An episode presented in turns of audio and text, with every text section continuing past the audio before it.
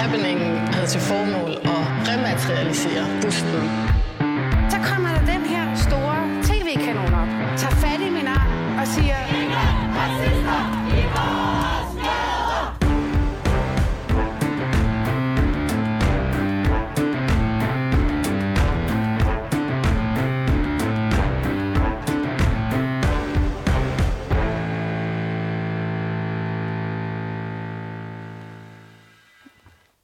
Velkommen til Baby og Boomer. Vi går ind i anden time, hvor vi lader fokuset ja, blive på manden. Øhm, når jeg får spørgsmålet, om jeg går meget op i fodbold, så siger jeg, eller om jeg ved meget om fodbold, så plejer jeg at sige ja, altså til husborg, men jeg ved rigtig, rigtig meget om mænd. Og, og hvad er det egentlig for en manderolle, vi ser dyrket lige nu anno 2022? Og hvad ligger der egentlig i begrebet traditionel maskulinitet? Jeg tænker på, at det altså med mandighed og at være doable, altså dulighed, har altid været sådan mere eller mindre uadskillelige begreber. Det maskuline er sådan nogenlunde tilsvarende med, at man udretter noget, man er handlekraftig. Selvom det kan virke sådan lidt svært og farligt og hårdt, og man kan få folk imod sig. Og det ser vi lige nu komme til udtryk under krigen i Ukraine, hvor det er mændene, der skal blive at kæmpe, og kvinder, der bliver sendt ud af landet sammen med børnene. Ja, jeg fik ikke introduceret. Mit navn er Phyllis Jassar, og jeg står i studiet sammen med David Tras, og vi har indhentet ekspertise til at tale om den her toksiske maskulinitet af Thomas Markersen. Jamen tak for invitationen. Du er psykolog. Ja, Bare lige til at starte med, hvad er maskulinitet i 2022? det er et rigtig godt spørgsmål. Der bliver fægtet meget om det i medierne. Øhm, og øh, maskulinitet vil i dag, hvis du ser på sådan nogle mandegrupper, som der opstår flere og flere af, så er det et eller andet med, at man skal øh, tage sig godt af sig selv, man skal træne, man skal øh, være ærlig, man skal kunne dele. Så der er også en eller anden sårbarhed forbundet med det her moderne maskulinitetsideal. Jeg er selv blevet inviteret med på noget, der hedder European Men's Gathering her til efteråret, med 150 mænd fra hele Europa. Jeg har ikke været med til sådan noget før, og jeg sagde egentlig bare ja, fordi, okay, jeg blev spurgt, om jeg ville lave nogle oplæg. Men så til sidst, så sagde jeg ja til bare at deltage. Og det er, sådan, det er også lidt nervepirrende for mig. Skal jeg sidde fire dage og sådan at åbne mig op og være sårbar sammen med alle de her mænd? Så det er... Øh, Hvorfor skal I være sårbare? Det skal jeg bare lige forstå. fordi, øhm, altså, det, det, det mest psykologfagligt dybe svar på det spørgsmål, det er, er vi egentlig først ægte, når vi mærker en eller anden sårbarhed? Ellers er vi i vores roller, vores personager, vores argumenter, mm. vores stilling, vores position. Øh, men at være sårbar, det giver sådan en sprække ind til noget ægte, noget mere ægte. Ikke fordi, at vi mænd så skal være rende rundt og være sårbare hele tiden. Det gider kvinder heller ikke at have. Men en gang imellem skal vi lige åbne den der sprække ind til noget ægte. Så Thomas, skal manden i 2022 i al almindelighed være mere som en kvinde? Øh, I traditionel forstand. Altså, det, det er jo sådan nogle kvindebegreber, det vi taler om her. Traditionelt øh, tænkt, altså sårbar, øh, følsom, øh, øh, åbne sig op over for sine veninder, i det her tilfælde venner. Er det, er, det, er, det, er, det, er det sådan, vi vender om på det hele? Før du svarer, så skal jeg lige afspille min boomer-alarm. det synes jeg er meget nærliggende, når vi taler i det binære kønssystem og i traditionel forstand. Ja, sorry. Nej, mænd skal ikke være som kvinder, og det er heller ikke det, man taler om i de her mandegrupper. Øh, men mænd skal være gode fædre og være nærværende kærester. Øh, og det er ikke det samme som at gå rundt og være sårbar hele tiden, eller være usikker på sig selv, eller vægelsindet, fordi det, det er ikke forbundet med mandighed. Der er rigtig mange unge mænd i dag, som er meget vægelsindede, øh, som, ja, det lyder så negativt lige pludselig, men som er forbundet med det feminine, som er lidt mere udflydende og uden kategorier, grænser og uden konklusioner i lige så høj grad. Når unge mænd gør det, så viser de det blandt andet ved, at, øh, de, at kvinderne kan aldrig lave aftaler med dem, fordi de ved aldrig lige, hvad de har lyst til. De vil ikke binde sig og knytte bånd som en og blive kærester. Ja, det er blevet sådan en, en, en, hvad hedder det, altså så når unge mænd begynder at miste noget traditionel maskulinitet, så bliver de mere udflydende og vælsindede og har svært ved at knytte sig til ting. Og, og det, det er ikke godt. Så den mandetype er der også i dag. Mm. Og de, de driver alle til vanvid. Mm. Kan vi lave et oprids af, hvad for nogle mandetyper der er? Ja, der er de mænd, som vi kalder sig selv feminister. Jeg ved ikke, hvor mange der er. Det er en eller anden procentdel. Det er dig, David. Det er mig for eksempel, ja. Øh, men, men ja, en eller anden procentdel, vi taler vel om ret mange, gør vi ikke?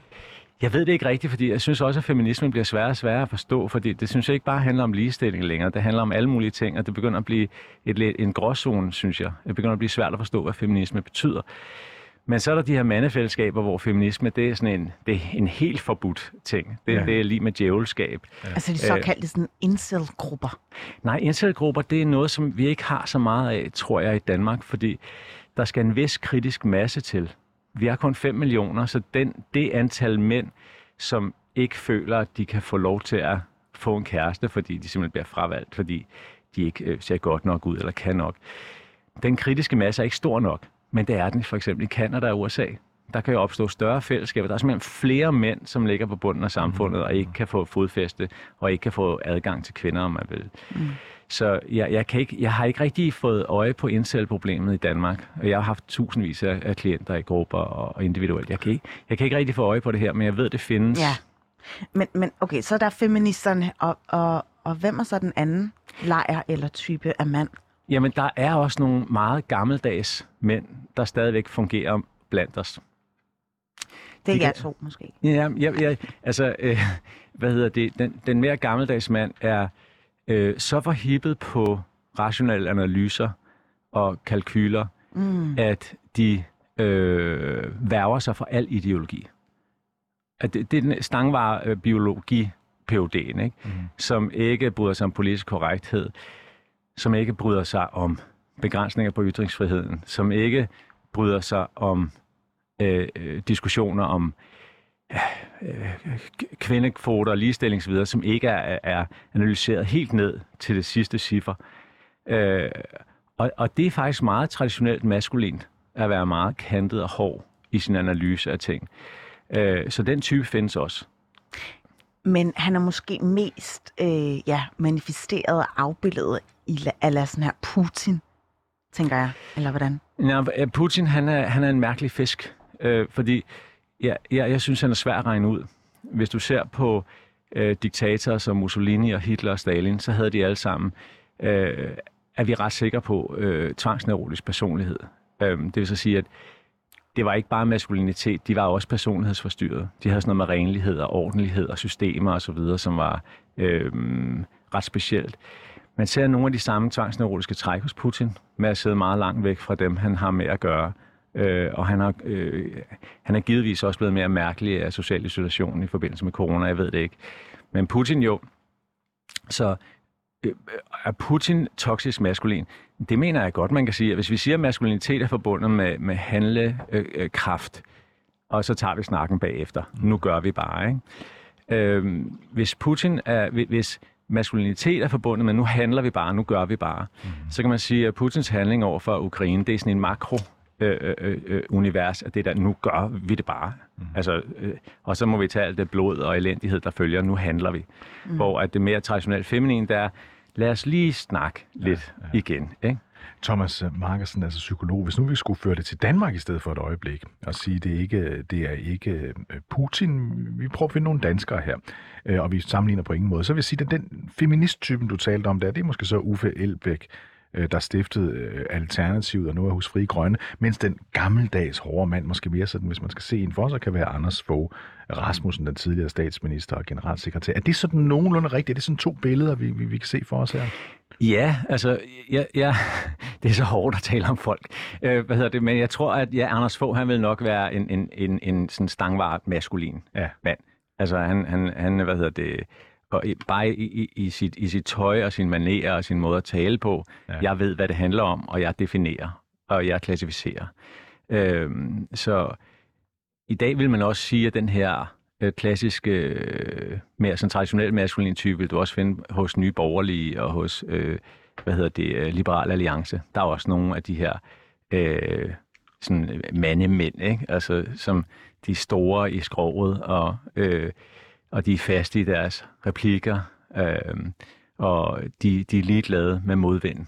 Nu, nu vil jeg bare lige bringe ind, for jeg så et billede på de sociale medier. Jeg ved jo godt, politikere de har det med at gøre de billeder, de lægger op øh, på sociale medier til en idealiseret, idealiseret version af dem selv. Men ikke desto mindre, Jakob Ellemann Jensen, Venstres formand, han lagde i går et billede op, hvor han stod sammen med sin kone, og så, og så stod og kyssede hinanden, og så stod der størst af alt er kærligheden. Smukke ord fra Jakob Ellemann Jensen. Men hvor placerer han sig hen der? Fordi det, er jo, det ville Anders Fogh Rasmussen jo ikke have gjort, det kunne jeg ikke forestille mig, vel? Jeg tror, at Ellemann, han er, han er sådan lidt en... Øh, nu sidder jeg som psykolog og... og, og Symptombehandler. Ja, ja, eller, eller diagnostiserer på distancen. Jeg har ja, aldrig mødt ham, men han synes at være strategisk. Han, han prøver at placere sig sådan, du ved, øh, hverken i den ene eller den anden lejr. Og det tror jeg heller ikke nødvendigvis er så godt for hans øh, vælgerbaggrund tror jeg ikke. Jeg tror, at de ville ønske, at der var en, der var lidt mere slagkraftig. Altså lidt mere Anders Fogh rasmussen -agtig. Lidt mere Anders Fogh Rasmussen. Altså så nu skal I høre, sådan er det her syv hegnspæle, jeg har banket i, og der er ikke noget at komme efter. Alt det der, som Anders Fogh altid gjorde. Uffe Elbæk, bare lige for at tage ham på den anden side, feministen. Øh, er det også sådan et billede, vi kan, du, du kan genkende? Er, er han den type tilhører den gruppe af mænd? Øh, ja, det vil jeg mene, han, han gør. Altså fordi traditionel maskulinitet, det har også noget med ære at gøre, stolthed og værdighed. Øh, og jeg kan huske Uffe Elbæk faktisk i Radio 24 kigge ned på sin hud i en snak om indvandring, og kigge ned på sin hud og sige, øh, jeg har sådan en ækel krisefarve. For ligesom at illustrere et eller andet med, at vi er ikke bedre end andre. Ja. Og det, det er ikke forbundet med traditionel maskulinitet, hvor man, hvor man prøver at, at bære sig med værdighed hele tiden. Mm. Altså man, man nedgør ikke sig selv. Mm nu har vi de her to arketyper. Øh, Uffe Elbæk og Anders Fogh Rasmussen. Er der ikke noget in between? Der må der være flere nuancer af manden. Jamen, der er også de her nuancer, der går på, øh, hvilken arena du er i. Der er mange mænd, som øh, svinger pisken på arbejdet og er totalt underlagt af deres kvinder, når de kommer hjem. Så det afhænger også lidt af, hvilken arena man befinder sig i. Mm. Jobbet for en traditionel mand i de der mandegrupper, det handler ikke så meget om karriere og arbejdsliv faktisk næsten overhovedet ikke. Mm. Det handler om, hvordan man gebærder sig med kvinder. Mm-hmm. Øhm, og hvordan man kan holde parforhold fungerende. Fordi det er så nemt bare at give en ret hele tiden. Og, og så, sige, så, så øh, enten stikker man af på, på, på øh, cykel i stramme bukser, eller også øh, bliver man skilt. Så jobbet i, for den moderne mand, øh, den er mand ind imellem, altså dem, der er flest af, kan man sige det er at være en god mand over for sine børn mm. og sin partner. Så det private er blevet politisk igen, om man så at sige. Det har ellers været en, en feministisk parole flere gange, at, at for eksempel i forhold til omsorgsarbejde, så skulle man ligesom prøve at fordele chancerne nogenlunde ligeligt, øh, fordi hvordan man ligesom begærter sig hjemme har betydning for, hvordan man er som menneske udadtil, altså uden for husets fire. Jeg tror faktisk, at vi skal med den traditionelle maskulinitet helt tilbage til det gamle testamente, hvor der er en far, der sætter en ramme. Og øh, man taler om i de her mandefællesskaber om manden som en, en åndelig overhoved eller et eller andet. Jeg, jeg, har ikke, jeg kan ikke helt følge det, jeg har ikke helt forstået det endnu, men jeg tror, det er baseret på sådan en gammel kristen øh, idé om, at faren er beskytter. Han sætter rammerne og, øh, og skal sætte en retning. Den har jeg heller ikke helt forstået, men det taler man i hvert fald om i de her mandefællesskaber. Øh, jeg, jeg kan ikke rigtig se, at manden skulle være den, der satte den åndelige retning. Mm. Øh, det, jeg synes, det er lidt kompliceret, men det som den moderne mand, øh, det, det som man går op i de der mandefællesskaber, det er, at man kan stå inden for det, man siger, og man kan være kærlig, og man kan være lojal, og man kan være øh, til stede. Fordi det, der driver mange af de her mandebevægelser i dag, det er synet af alle de her drenge, der ikke kan finde ud af det, der falder ud af skolerne og klarer sig dårligt i gymnasierne og universiteterne osv., hvor at, øh, vi er blevet sådan kollektivt opmærksom på, at det er farens rolle, der er blevet utydelig. Og når farens rolle bliver utydelig i drenges liv, så kan drengene blive toksisk maskuline. Det okay. så, sige. Så, så, så det er det, der, du mener, der sker, når der er nogle fædre, der, der sådan er blevet lidt usynlige, fordi de ikke rigtig har været til stede, formoder jeg, øhm, altså derhjemme. Øh, så, så kan det simpelthen smitte direkte af på søn, sønnen eller sønnerne der, der så bliver toksisk maskulin, siger du. Og prøv lige at forklare, hvad, hvad det vil sige at være toksisk øh, maskulin i forhold til traditionel maskulin. Jamen, for, øh, at toksisk maskulin, det er for eksempel, at man, man, man hvad hedder det, øh, begår kriminalitet, mm. man tror, man, øh, man øh, slår på andre mennesker, gerne i grupper. Mm. Altså, de her drenge føler jo, de er modige, når de er mange imod en.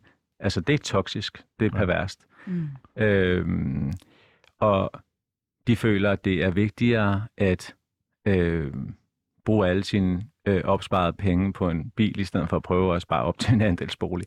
Altså det, nej, det er, ikke, er det toksisk, det ved jeg ikke, men det er i hvert fald ikke særlig begavet. Øhm, så det, der sker, når faren ikke er tydelig i sit liv, er tydelig i familielivet, i drengens liv, det er, at drengen får svært ved at finde ud af, hvad det vil sige at være mand. Mm. Og det, der er interessant ved den øh, hvad hedder det, observation, det er, øh, at erkende, hvor utrolig svært det er at blive menneske. Mm. At gå fra at være dreng til at være mand. Det er en utrolig kompliceret proces. Og det er svært at kunne uden en, en tydelig far. De drenge, der så ikke har en tydelig far, de går igennem alle mulige problemer. Og så når de bliver 30-40 år gamle, så tænker de, what the fuck? Hvad er det, jeg har været? Ja. Mm. Øhm, Hvordan brænder det egentlig af på forholdet til kvinder eller omverdenen? I værste fald, i nogle familier, så er den unge mand også toksisk maskulin over for kvinden. Det vil så sige, at... Voldelig og... Nej, ikke nødvendigvis, men hvis kvinden vil give kram, så giver han ikke kram, fordi det gør en mand ikke. Altså, det har jeg hørt. Øhm, det kan også være, at man prøver at kontrollere kvinden, og hvad hun må, og hvad hun ikke må. Mm. Det findes også.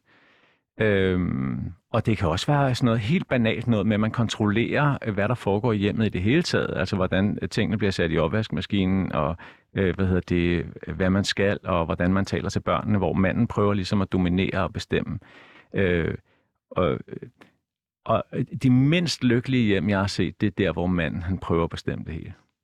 Og der, hvor kvinden prøver at bestemme det hele, det kan sagtens være et lykkeligt hjem. Ja.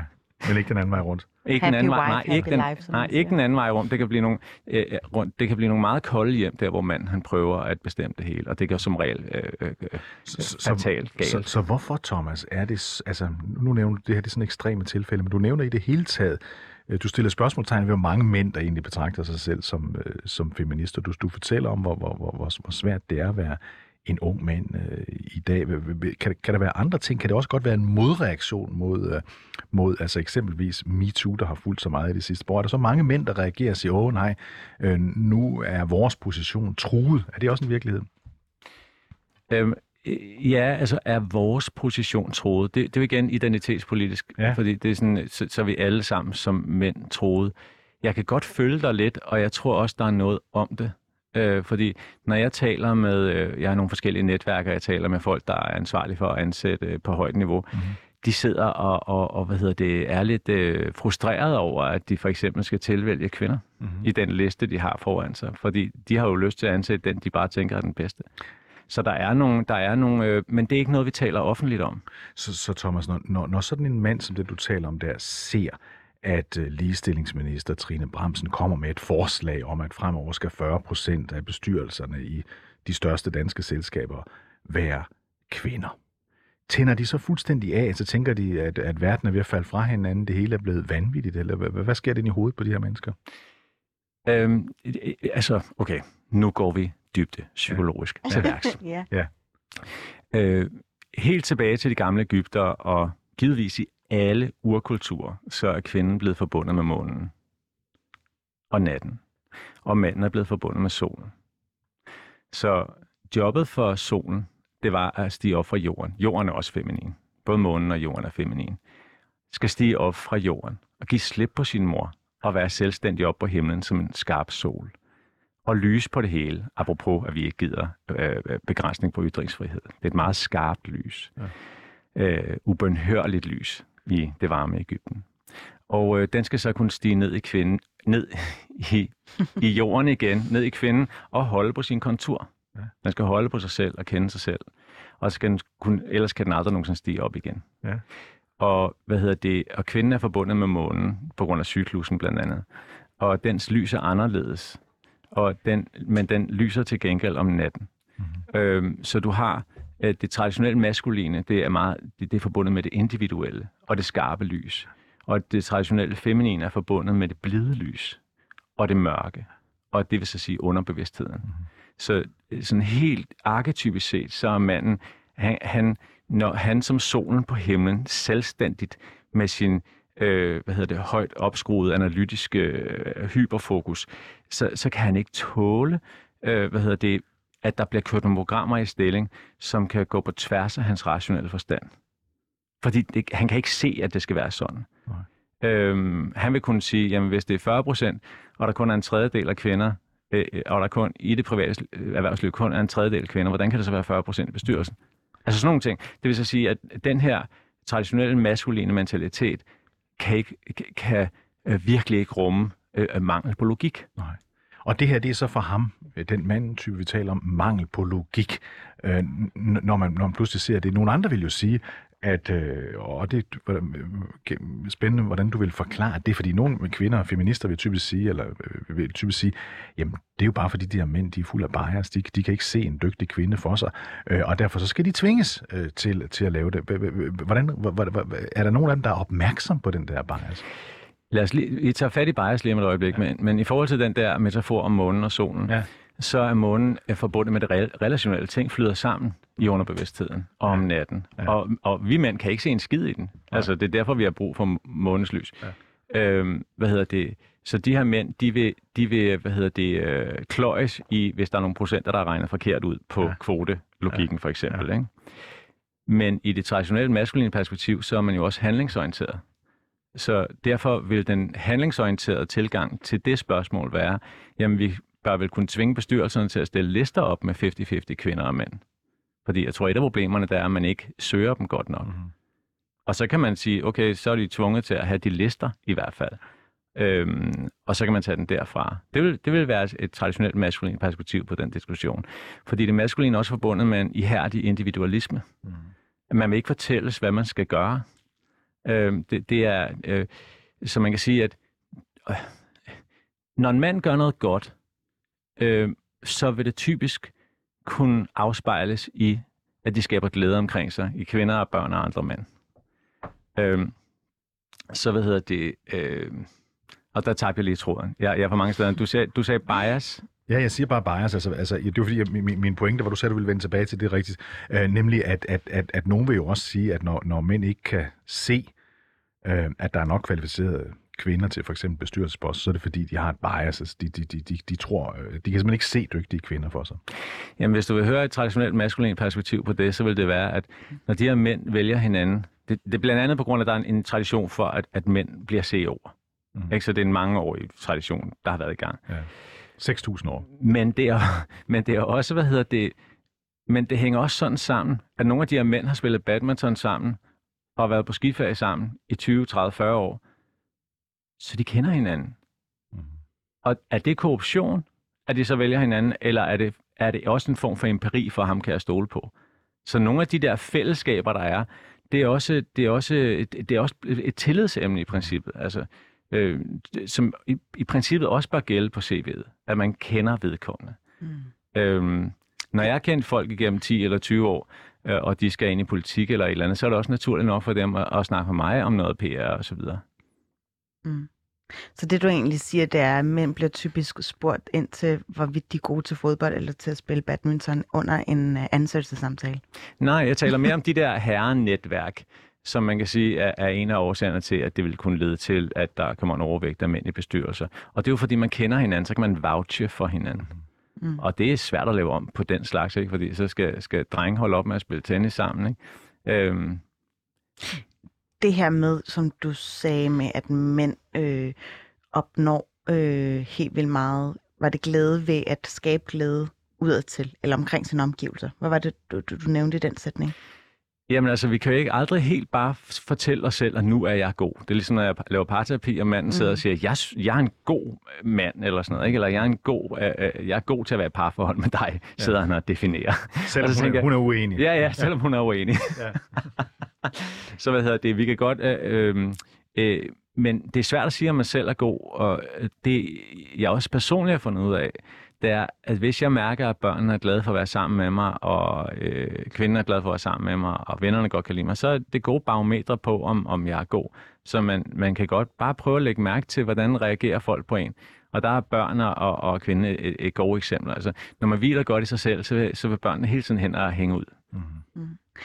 Det er bare fordi, jeg tror, at jeg går ind til verden med den påstand om, at mænd jo kun vil øh, handle ud for deres egen vindings skyld, og er ret ligeglade med alle mulige andre. Jo, men du kan sige, at Og det er kvinderne, der ligesom er de kollegiale kræfter i vores samfund. Altså kvinder er mere øh, orienteret mod andre, og det tror jeg, og det kan I ikke engang fravælge, fordi det har jo også noget at gøre med det at få børn.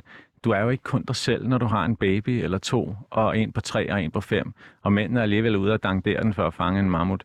Altså, der, I, I, I har, kvinder har et mere fælles selv. I kan fornemme andre mere. Og jeg kan, jeg kan give det et interessant eksempel.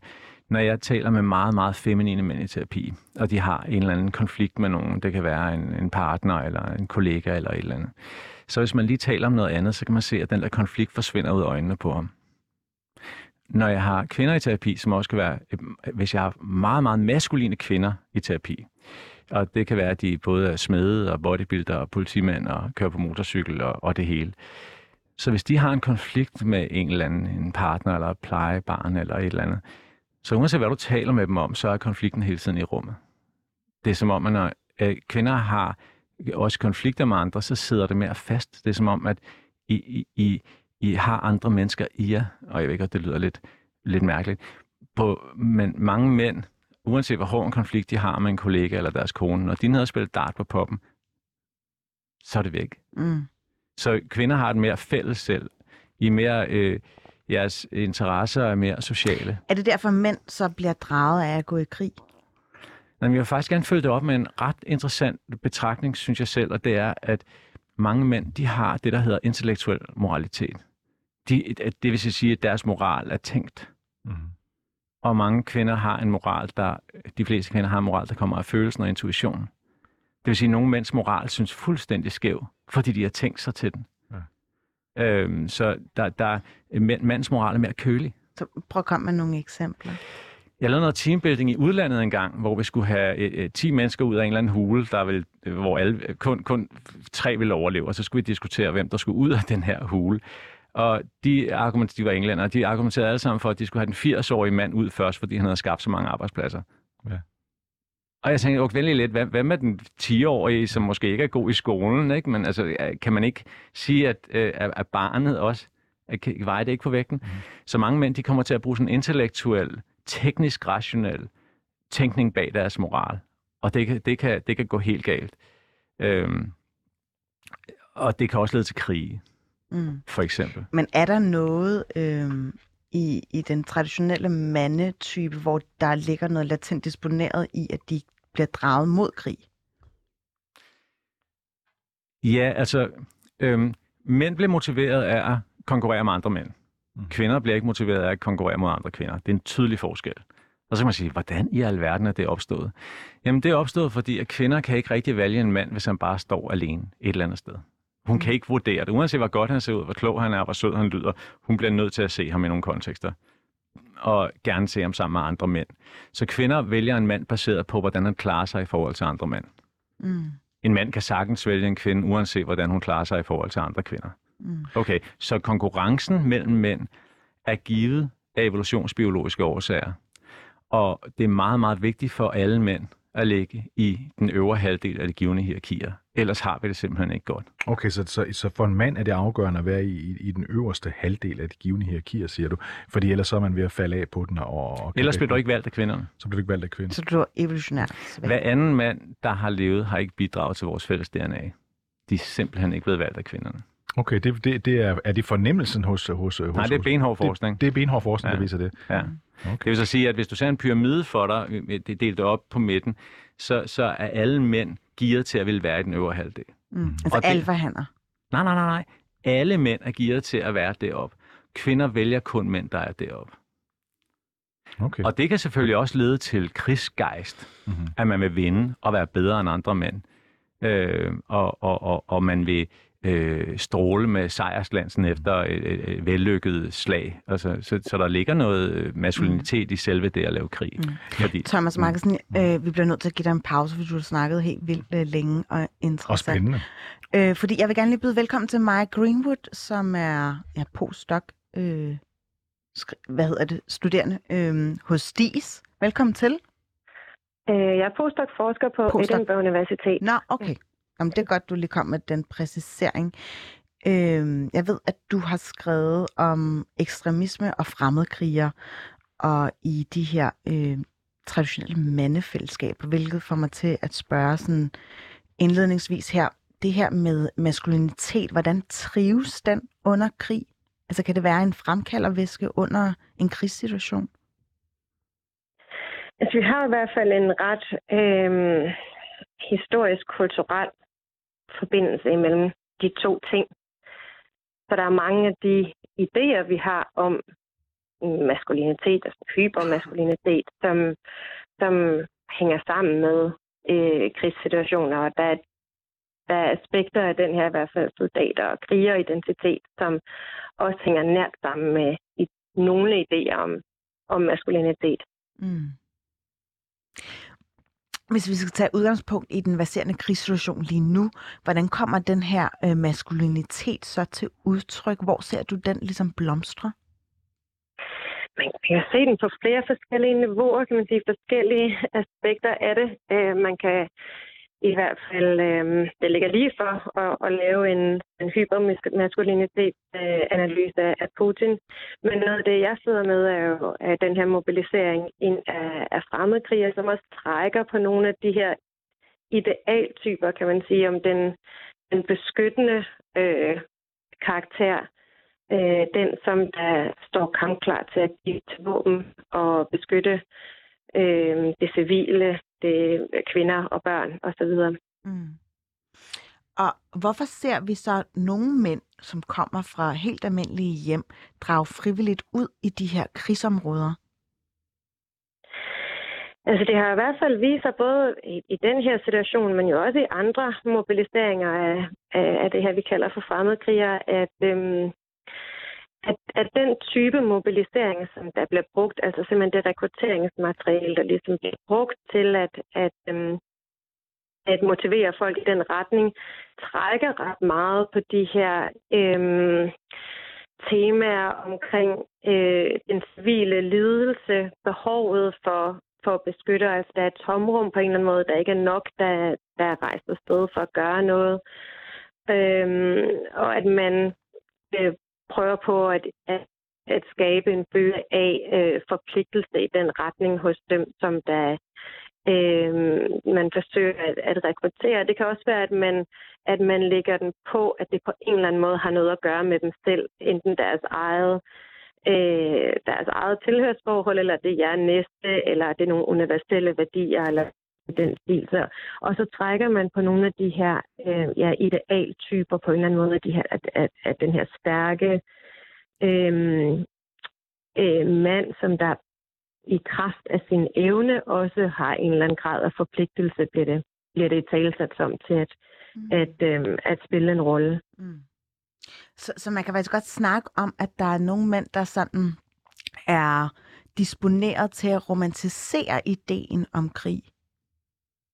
Det, det tror jeg i en eller anden udstrækning, man vil kunne sige, vi, altså vores samfund og vores historik og vores kultur er, altså det er en stor del af helt tilbage fra, fra klassisk litteratur, vores, vores myter, vores historier, vores populærkultur, øh, vores, vores eventyr har jo det her sådan øh, tema om kampen mellem det gode og det onde, som det bliver en krystallisering af. Og så bare... Hvor, hvor manden er, er helten af den, mm. af den udøvende karakter generelt, ikke? I, mm. i, det, i, i den historik. Mm. Så den tror jeg egentlig, jeg tror ikke, man, altså, det er jo ikke kun det mændene, der har den, den tror jeg, vi har generelt, men mændene har bare en særlig rolle i den. Mm. Og hænger øh, de her militante bevægelser og, og de, de her soldatfællesskaber og voldsparathed på den anden side, hænger de sådan uløseligt sammen? Det er ikke noget, der er, der er uløseligt, men, men det er klart, at de er forbundet øh, på den måde, at, at, at det, er jo bare, det er jo så en ny scene for, for den øh, old gamle forbindelse, kan man sige. De her, øh, de her mobiliseringer, vi ser nu, de her frivillige øh, grupper, det, ja, traditionelt set kan man se det som et maskulint øh, rum, Øh, men der er kommet mere og mere forskning jo også nu på den rolle, kvinder kan spille, eller også spiller i de her organisationer. Øh, men det har stadigvæk karakter af en, hvad skal man sige, undtagelsen fra reglen, som man stadigvæk ser som, at det er mænd, der, der opbygger de her, øh, de her miljøer, eller er en del af de her grupper. Når vi nu ser, uh, Maja øh, Greenwood, når vi nu ser for eksempel også unge danske mænd, men altså også unge europæere, uh, altså fra andre lande, Ukraine, tage til Ukraine uh, for at, at kæmpe på, uh, på, på, på, på ukrainernes side, altså folk, der ikke er vant til at, at, at gå i krig. Uh, altså er, er det et urgammelt instinkt hos en mand at tænke, nu har jeg chancen for at gribe til våben, nu har jeg chancen for at være helt. Uh, er, er det simpelthen et udtryk for, for, et, for et urgammelt uh, instinkt, der kommer frem i folk? I mænd, undskyld det er i hvert fald et tema, som der går igennem øh, fra, fra mobiliseringer, vi kan se historisk. Altså hvis vi sammenligner med mobiliseringer fra meget forskellige øh, konflikter, som der kontekstuelt eller ideologisk divergerer meget fra hinanden, altså er meget forskellige, så er der et, et, øhm, et mere sådan menneskeligt, eksistentielt tema, som, som der går på tværs af dem, eller som de har til fælles. Mm-hmm omkring den her med, når man hvad, altså tager stilling til i øh, den situation, man står i, hvad, hvordan vil jeg ligesom reagere i den her situation, hvor, rekrutteringsmaterialet meget ligger op til, at man skal stille stilling til, er man sådan en, der, der hjælper, eller er man sådan en, der lader stå til øh, og, og ser på? Jeg tror, mm. det dilemma, eksistentielle dilemma, kan man sige, man bliver stillet i som, som modtager det her rekrutteringsmateriale, er jo, er jo på en måde øh, al, almen menneskeligt i en eller anden udstrækning. Og det er nogle meget universelle værdier, som der bliver trukket på i forhold til, øh, hvordan man skal stille sig over for det. Men, men den måde, det kan blive portrætteret, kan være meget nært vores ideale idéer om det der sådan hypermaskuline, altså konkrete billeder af mænd med store muskler og store geværer osv., som, som i hvert fald også giver et meget klart billede af øh, ikke bare, hvilket menneske du bliver i kraft af dit valg om at melde dig frivilligt til den her kamp, men også konkret, hvilken slags mand du bliver i dit øh, valg om at indgå i den her kamp. Mm. Maja Greenwood, du skal tusind tak, fordi du gad være med på en telefon. Øh, forsker i radikaliseringsdynamikker og ekstremisme på DIS, var det, ikke også? Edinburgh Universitet lige for tiden. Nå, okay. Men tak for det. tak fordi du var med på en telefon. Selv tak. Godt, så fik vi nemlig lige det på plads. Øh, det der med at, at have store muskler, det har vi jo også set, hvordan Putin har lavet sig fotografere. I bar mave. I, i bar kasse, plejer ja, ja, okay. øhm, hvorfor, hvorfor, hvis vi sætter ham ind i den her øh, hypermaskuline kontekst, hvorfor er det så vigtigt for ham at opretholde et ideal, tror du, ikke fordi vi skal prøve at fjerndiagnostisere Jeg tror, der er mange, der fabulerer over, hvad fanden der går, i hovedet, går igennem hovedet på ham. Men, men hvorfor er det så vigtigt i, i den her baserende krig? Jamen, der er det her meget interessante fænomen, at jo mere bange folk bliver, jo mere en stærk leder vil de have. Okay. Og jo mere uklart det er, hvad der foregår, jo stærkere leder vil du have. Og du ser det også i, i du ser det i, øh, i gruppeterapi fra gamle dage, hvor man satte folk i, i øh, cirkler, måske 10 mennesker med, med psykiske forstyrrelser, hvor at de ikke lavede et formål. Altså, de skulle bare sidde og snakke på en eller anden måde. Og, og, og det her, den her øh, øh, usikkerhed, der var, det gjorde, at det altid var den mest skøre, der tog magten. så, så det er meget vigtigt for sådan en som Putin at sikre sig, at, at, at vedligeholde en eller anden krigshistorie, en eller anden, der er trusler, der er fare, det ser du også med USA, samtidig med, at de så præsenterer sig selv som den stærke mand, der kan så løse det problem. Det er sådan hele tiden sådan en dynamik mellem at skabe masser af frygt, og så være, være portrættere sig som den her arketypiske macho-mand, der kan håndtere det hele.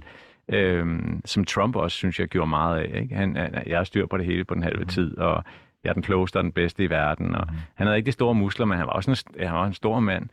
Øh, så jeg tror, at Putin når, med det der muskler og så videre, så tror jeg også, det er meget strategisk i forhold til at, øh, at, at i forhold til at holde magten og være svaret på alle de kriser, som der Og, er. og Putin, han er 70 år om et øjeblik, men ikke desto mindre, så spiller han stadigvæk øh, ishockey angiveligt på højt niveau. Han øh, rider i bar kasse, kaldte du det ikke? Han, øh, han er, går, altså, er, er, er en meget, meget dygtig judoist, eller hvad Han det har sådan en person. bælte. Sort bælte i judo, ikke? Altså, er, er, er det alt sammen, det er, jo, det er jo næsten en karikatur, men det er jo i åbenlys en, i givet fald en karikatur, han spiller meget på, fordi de her billeder øh, er, er meget velkendte. Jamen, der er ingen tvivl om, at maskulinitet er forbundet med dulighed. Ja. Og, hvad, og, og helt konkret, hvad er det? Jo, det er, at man kan lave armbøjninger, og man kan, hvad hedder det, øh, øh, forsvare sin kæreste Ja. øh, på strøget kl. 3 om natten, og sådan noget. Det, så helt konkret, så, så er maskulinitet jo bundet op på, på kroppen. Mm-hmm. Men det vil jo også det samme vil man også sige om kvinder, at det feminine også helt konkret er bundet op på deres øh, fremtoning. Så, så det er jo bare en meget, meget banal maskulinitet, han, han, øh, han, han øh, illustrerer der. så er det fordi i Danmark, vi har et trygt samfund, at vi havde det helt fint med, at øh, vores tidligere statsminister Lars Løkke Rasmussen, mens han stadigvæk var statsminister, blev fotograferet på en pony øh, oppe i nærheden af Skagen, hvor, han, øh, hvor han jo tydeligvis var lidt, øh, lidt akavet på denne pony. Altså, det er, jo, det er jo et sjovt billede, når vi, vi kom lige samtidig med det andet billede, havde været med Putin. Er det, er det virkelig et billede på sådan et roligt, lille, fint land, hvor vi sagtens kan håndtere det? Ja, men vi kan også godt give Danmark noget ros, fordi i kulturanalyser viser det sig, at øh, Danmark er det land i verden, hvor vi har mindst respekt for magtafstanden. Okay, ja. Så vi kan, ikke, vi kan simpelthen ikke tolerere en stor Vi er ikke leder. særlig autoritet. Nej, det er vi øh, virkelig ikke. Vi dyrkende. ligger i bund i hele verden. Vi kan simpelthen ikke Så, have så det. det vil blive betragtet som komisk, hvis vi havde en dansk statsminister, der, der, der, der på den måde i, satte sig selv i scene som en, som en stærk, altså i, i ordets egentlige forstand. Men, Jamen, jeg tror, Anders Fogh, han var en slags undtagelse. Kan vi se Mette Frederiksen øh, adaptere nogle øh, maskuline Ja, træk? fordi, ved du hvad, vi ledte alle sammen efter det totalitære, da den her coronavirus gik i gang, fordi forskningen er klokkeklar, at jo mere øh, hvad hedder det, infektion der er i et samfund, jo mere totalitær styreform vælges der. Og det, det er en klokkeklar samling, helt ned på regional niveau øh, i, i hele verden. Øh, så vi ledte altid efter, vi ledte efter det der totalitære. Det dukkede ikke rigtig op i Danmark, men lidt gjorde det. Der kom lidt øh, enevælde øh, stil ud af Mette Frederiksen. Mm. Men, øh, men så hævde hun tæppet væk under hele den ting ved at bare at give slip på alle øh, restriktioner. Ja. Så uanset hvor meget hun kom til at blive lidt totalitær, fordi det sker for ledere, når der er fare i et samfund, mm. øh, så, så fik hun trukket det helt i land øh, med, med at opgive restriktionerne. Fordi ellers var der sådan en slags, øh, der var en eller anden stemning imod hende. Der begyndte en stemning med Mink-sagen og så videre, ikke? hvor hun virkede lidt for øh, enerådig, eller øh, hvad man kan kalde det. Mm. Så hun, hun blev også en lille smule maskulin, totalitær, vil jeg sige. Mm, interessant. Jeg tænkte på, at i kølvandet på den her redselsfulde øh, Mia Skade, Skadhauge-sag, øh, drabet på hende op i Aalborg, øh, så gik der ikke mindre end 24 timer, hvor Kim Leine i en samtale sammen med Martin Krasnik øh, lige pludselig skulle snakke om, om den øh, svære kussesult, som er så gennemgribende, at man, øh, som Kim Leine nu citerer, jeg, gerne vil komme i spjældet for, eller i hvert fald gerne vil risikere det, fordi at den, er så, øh, den er så stærk. Kan du lige sætte et par ord på, hvad er det for en form Jamen, for så- så lyttede jeg. maskulinitet? Så lyttede jeg lige til den podcast også, Ja. øh, og, øh, og, og tænkte, min, min første tanke, min første indskydelse var, at han provokerede. Ligesom Lars von Trier i Cannes. Altså, jeg, jeg, jeg, fordi jeg tror ikke, Han der er særlig mange mænd, der, sig op. Jamen, jeg tror ikke, der er særlig mange mænd, der fantaserer om at, at, at være soldat og sparke en dør ind og voldtage en masse kvinder. Mm. Det kan godt være, det sker i nogle fjerne øh, kanter af verden, at det er rent faktisk det, soldater gør, og det, der, det har man gjort traditionelt i, i krige, som en del af krigsførelsen. Men som en fantasi, øh, så tror jeg virkelig ikke, der er. Jeg tror, det, jeg, det, det, det er en meget sjælden fantasi, øh, at, at ville det. Øh, fordi det er jo i bund og grund perverst, og det, det er de færreste øh, øh, mennesker, der, der faktisk er perverse. Fordi når du er sammen med en, en kvinde som mand, så er noget af det, du tænder allermest på, det er, at hun har valgt dig. Apropos det der hierarki, man gerne vil befinde sig i. Man tænder helt vildt på at være en, som hun vil være sammen med. Øh, det er jo derfor, at mange af de her mænd, der er multidater, de bliver fuldstændig, de får helt forstørret ego. Fordi de føler sig så meget, de føler sig så tilvalgt. Ja. Det forklarer så meget. Det er derfor, at Peter Pan mistede sin skygge. Han, kunne ikke, der, han var til sidst ikke jordbunden længere. Nej. Så, så, så det Kim Leine fortæller om, det er en eller anden slags perversion, mm. øh, som, hvad hedder det, øh, den var dårligt timet. Og nu når jeg sidder her i regi af psykolog, så vil jeg også sige, at jeg tror, han startede med at tale om det her emne, kan man jo ikke rigtig tale om, det her med mænd og seksualitet. Det er, han sagde, jeg tror ikke, han sagde ordret, men han sagde, det var noget med at gå på æggeskaller. Og så kan jeg ikke være med at tænke på, at når han laver det der gedine selvmord, så er det fordi, han næsten øh, ville, ville have det. Mm. det var, han lavede et overgreb på sig selv.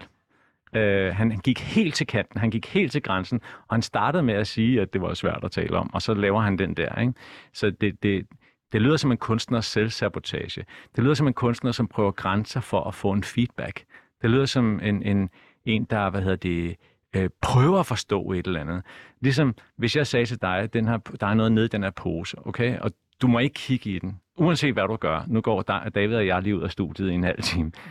Du må ikke kigge ned i den her. Så vil du blive, du vil blive fuldstændig... Hvorfor, hvorfor, altså, hvad er der nede i den? Og så vil du ikke kunne lade være med at kigge. Mm. Så jeg tror, der er mange mænd, som er så svært ved at forstå, hvad det der MeToo handler om, og de der grænser og samtykke og alt det der, at de kan ligesom ikke lade være med at, at, at lege med det og rode ved det og sige, hvad, hvad sker der så? Mm. Og man kan så sige, at der skete en hel masse for ham. Ja, ja.